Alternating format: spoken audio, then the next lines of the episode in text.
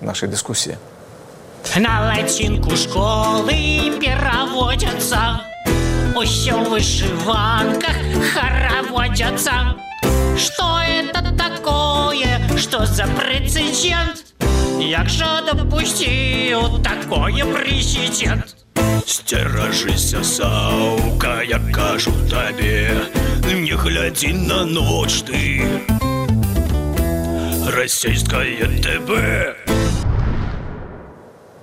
Ну что ж, не глядзець, не чытаць, не чуць азначае на практыцы саступіць арену без бою. Спосабаў абароны заўсёды менш, чым спосабаў эм, атакі, але яны існуюць і суды толькі адзін з іх. Сур'ёзна ўспрымаюць пагрозу фэйкаў ужо шмат якія ўрады, скажем, кадгрэс злучаных штатаў зрабіў недавно вялікае даследаванне больш за 200 сторонак справаздача пра вот эту інфармацыйную вайну як частку гібриднай вайны. Евразвяз стварыў нават спецыяльны сайт прысвечаны фэйкам якія з'яўляюцца ў расійскіх сродках масавай інфармацыі там уже больш за три тысячи выпадкаў і вось на этом тыдні калі мы сядзім якраз прыклад з малдовы калі адкрыць гэты сайт мы зараз побачым мы побачым такую лічбу 8180 тонн Раду, что эта э, личба означает? Что это за фейк тыдня?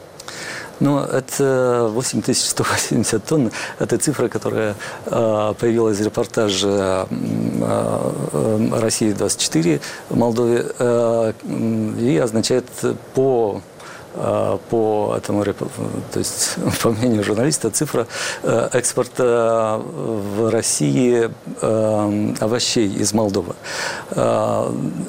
Цифра абсолютно непонятна, откуда взялась, потому что официальные данные показывают, что экспорт овощей Молдовы в Россию где-то примерно 1600 тонн овощей.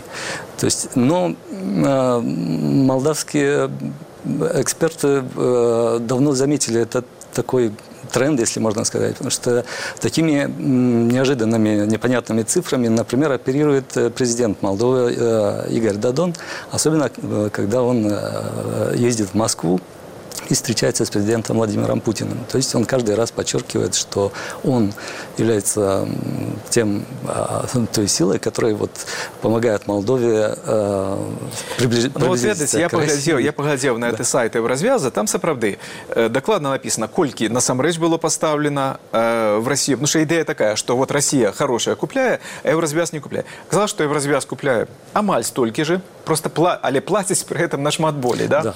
Э, нашмат больш выгодна насамрэч для Молдовы э, э, гандляваць з еўразвязам чым гандляваць з Росіяй і вось таких прыкладаў э, вельмі шмат.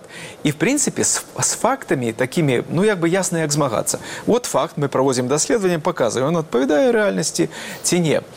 Пытанне якое канешне паўстае як змагацца з меркаваннямі. Вось э, Віталь давайте вачнем з вас. Як по-вашаму як в прынцыпе можна змагацца з у рамках вот этой інфармацыйнай вайны з думкамі з меркаваннямі ну гэта шлях нелёгкі па-першае паколькі трэба змагацца по-моему толькі адным спосабам гэта больш разумнымі думкамі больш абгрунтаванымі меркаваннямі больш скажем сэнсоўнай разумнай логікай і гэтак далей а таксама фактамі калі ідзе размова пра ну нейкія фактычныя недакладнасці ці проста адкрытую хлусню Таму ну вот я прызнаюся мне калі мы тут не ўзгадвалі але амерыканскі прыклад трошки ўзгадалі выклікае вся гэта вялікая кампанія в ЗША супраць там расійскіх фейкаў супраць удзелу рассіі в амерыканскіх выбарах ну трошки нават элементы іроніі паколькі ну вось як яны уяўляюць што расейцы там пакінулі некалькі думак пра тое што хілары кепская а трамп добрый і за гэтага амерыканцы прагаласавалі за трампа ну все таки амерыканскія сМ па-першае больш моцныя по-другое ну не трэба зневажаць саміх амерыканскіх выбаршчыкаў якія ну подзеліліся пароўну там але ну хтосьці з іх вырашал галасаваць за трампа не таму што прачытаў нейкі расійскі фейк які на самой справе там вельмі мінімальны уплыў меў на амерыканскае грамадства я таксама слухал гэтые слуханні ў кангрэсе там называліся лічбы літаральна там десяткі сотні тысяч праглядаў у ютубовскіх ролікаў гэта мінімум на 300 мільённую краіну карацей я не лічу што калі э, нейкая ну э, грамадства яно не схільна ўспрыняць нейкія ідэі то яно іх гатова вот адназначна ўспрыняць все-таки па-першае нейкія ідэі ўспрымаюцца тым грамадствам калі там ёсць э, ну пэўныя зерні для гэтага Вось. А по-другое, ну, вот таким неким хитрым кроком, некой незвычайной там э, падыходам да інфармацыі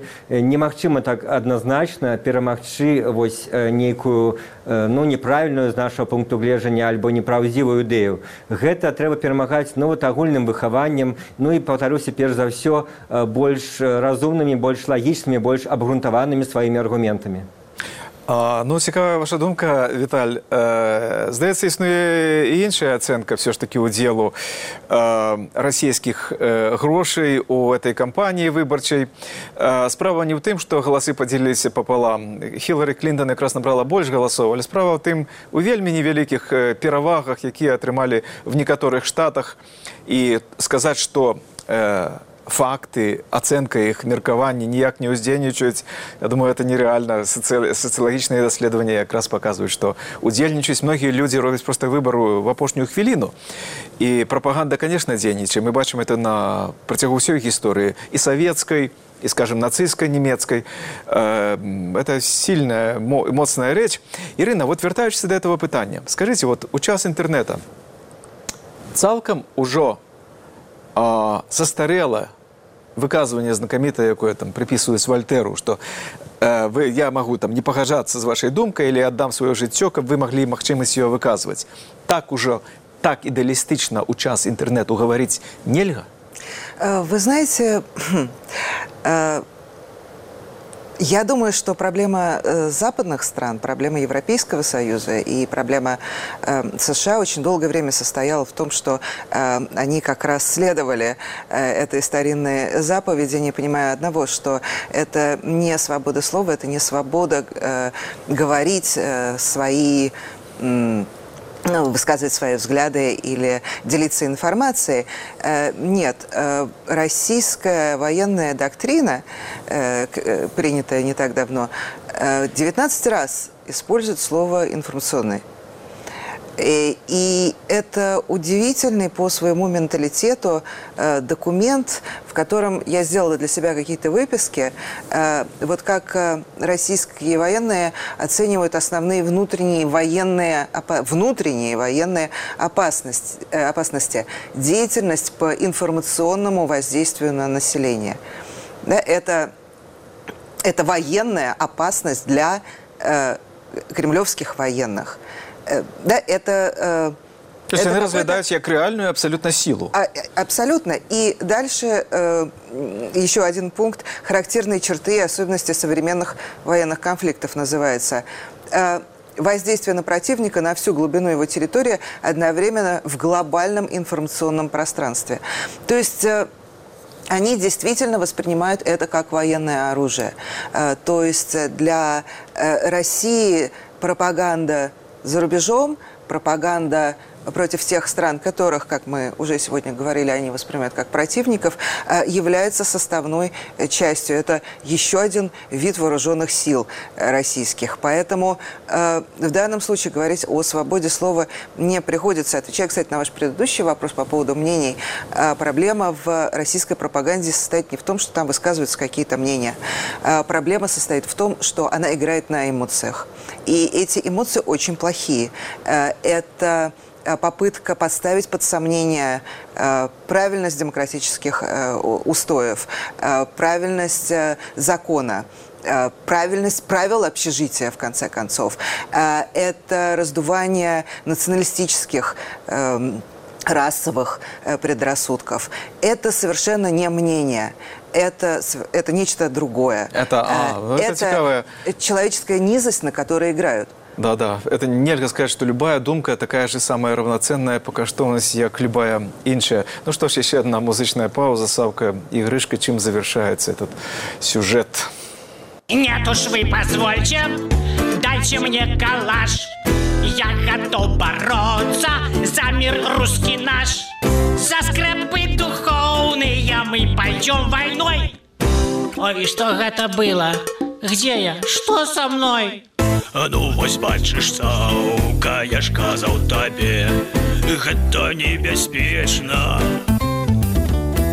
Расійскае ТБ. Ведаце, одно вот вельмі кароткае пытанне, яко- якое я хацеў бы задаць всім трем удзельнікам. Віталю, от першы вас, скажыце, як вы ацэньваеце інфармацыйны імунітэт беларускага грамадства? Наколькі ён моцны, наколькі ён слабы па-вашаму? Безумоўна, ён вельмі слабы. Э, Беларускае грамадства дзесяцігоддзямі пасля набыцця незалежнасці, а ўж калі казаць яшчэ да гэтага, безумоўна, жыве ў расійскім інфармацыйным полі І за апошнія гады, хаця мне скажуць некаторыя там аналітыкі, што нешта робіцца, але ну робіцца вельмі мала. І калі зараз не расійскія каналы пануюць у беларускай інфармацыйнай прасторы, а змешаныя расійска-беларускія, то я не ведаю нават ці гэта лепш, паколькі ідзе ідуць навіны там расійскія, потым навіны беларускія і ў галаве у беларускага абывателя, які глядзіць этот канал, які включен, это все зліваецца ў нешта адно супольнае, паколькі это ідзе на адной кнопцы, там ОНТ, э, вось э, і э, этот абыватель часам можа ну не адрозніваць калі людзі кажуць нашы звёзды там умоўна скажем про кіркорова ці пугачеву там э, наши праблемы Ну, наши это войска сапраўды в Сирии. Беларусь тут вы опісалі сітуацыю даволі крытычную она звязаная тым што Беларусь фактычна знаходзіцца ў інфармацыйным э, поле э, Москвы і, і, Ірына скажите вот можна в принципе говорить про по такое понятие як інфармацыйны суверэнітэт краіны Э, Я думаю, что нет, невозможно. Особенно в э, пространстве э, бывшего СССР, и в данном случае я говорю не только про Беларусь, естественно, э, но даже если мы возьмем Молдову, э, все глянцевые журналы, все гламурные журналы, они все изданы в России, э, они все на русском языке, они все показывают э, удивительную, фантастическую, красивую жизнь э, вот в этом золотом шалаше за, за Кремлем. Но- но- но- Так что Ну, вот ведаеце што вот у кастрычніку мінулого года полгода таму в італіі 8 тысяч школ пачалі праграму абучэння як бароцца раз, распазнаваць інфармацыйныя фейкі в Молдове існуе дзяржаўная праграма медыаадукацыі людзей як разбірацца что это это думка это репортаж и проверенные крыніцы в, я- в які час она з'явілася вучаць в этому Нет, к сожалению, нет, таких программ не существует. Э, И это большая проблема, о- которой говорят э, эксперты. Но вот э, в Молдове вообще ситуация, я полностью согласен с Ириной, и э, могу сказать, что медийное пространство очень похоже на белорусское в этом смысле. Э, Потому что э, долгие-долгие годы там доминируют э, российские телеканалы э, и масс-медиа, д- другие масс-медиа. Э, Но ну, вот... а новае пакаленне молдаван они говоряць по-руску ці не моладзь Они говорят по-русски, но вот все меньше и меньше. Это, это тоже- оборона Нет, это с- скорее смена поколений, можно так сказать. Потому что, Але эффект є може бути якраз вот это б- повышенный імунітэт до сприйняття, да? да, э, Всё ж таки. новое поколение э, ориентировано, скажем так, более на э, запад. Ну что ж, новое И- поколение, новое поколение проходит про школу, і м, е, в школі серед іншого зараз починають вчитися не тільки як розпознавати фейки в новинах, але завсёды то, що робила в школа, це вчила історію.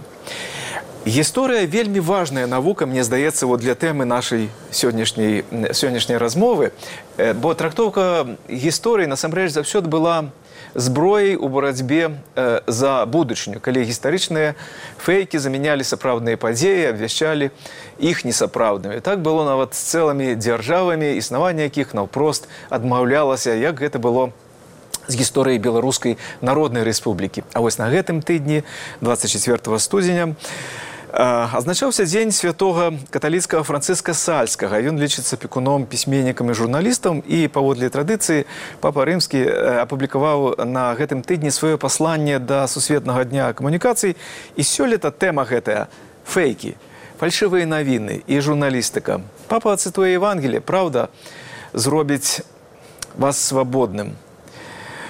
Нават калі гаворка ідзе пра справы стогадовай даўніны ці навіны бягучага тыдня, гэтая цытата заўсёды тычыцца будучыні. Такі кантэкст тых падзеяў, пра якія мы з Ірынай Лагунінай, Раду Беня і Віталем Цыганковым сёння думалі, спрачаліся, шукалі адказы разам.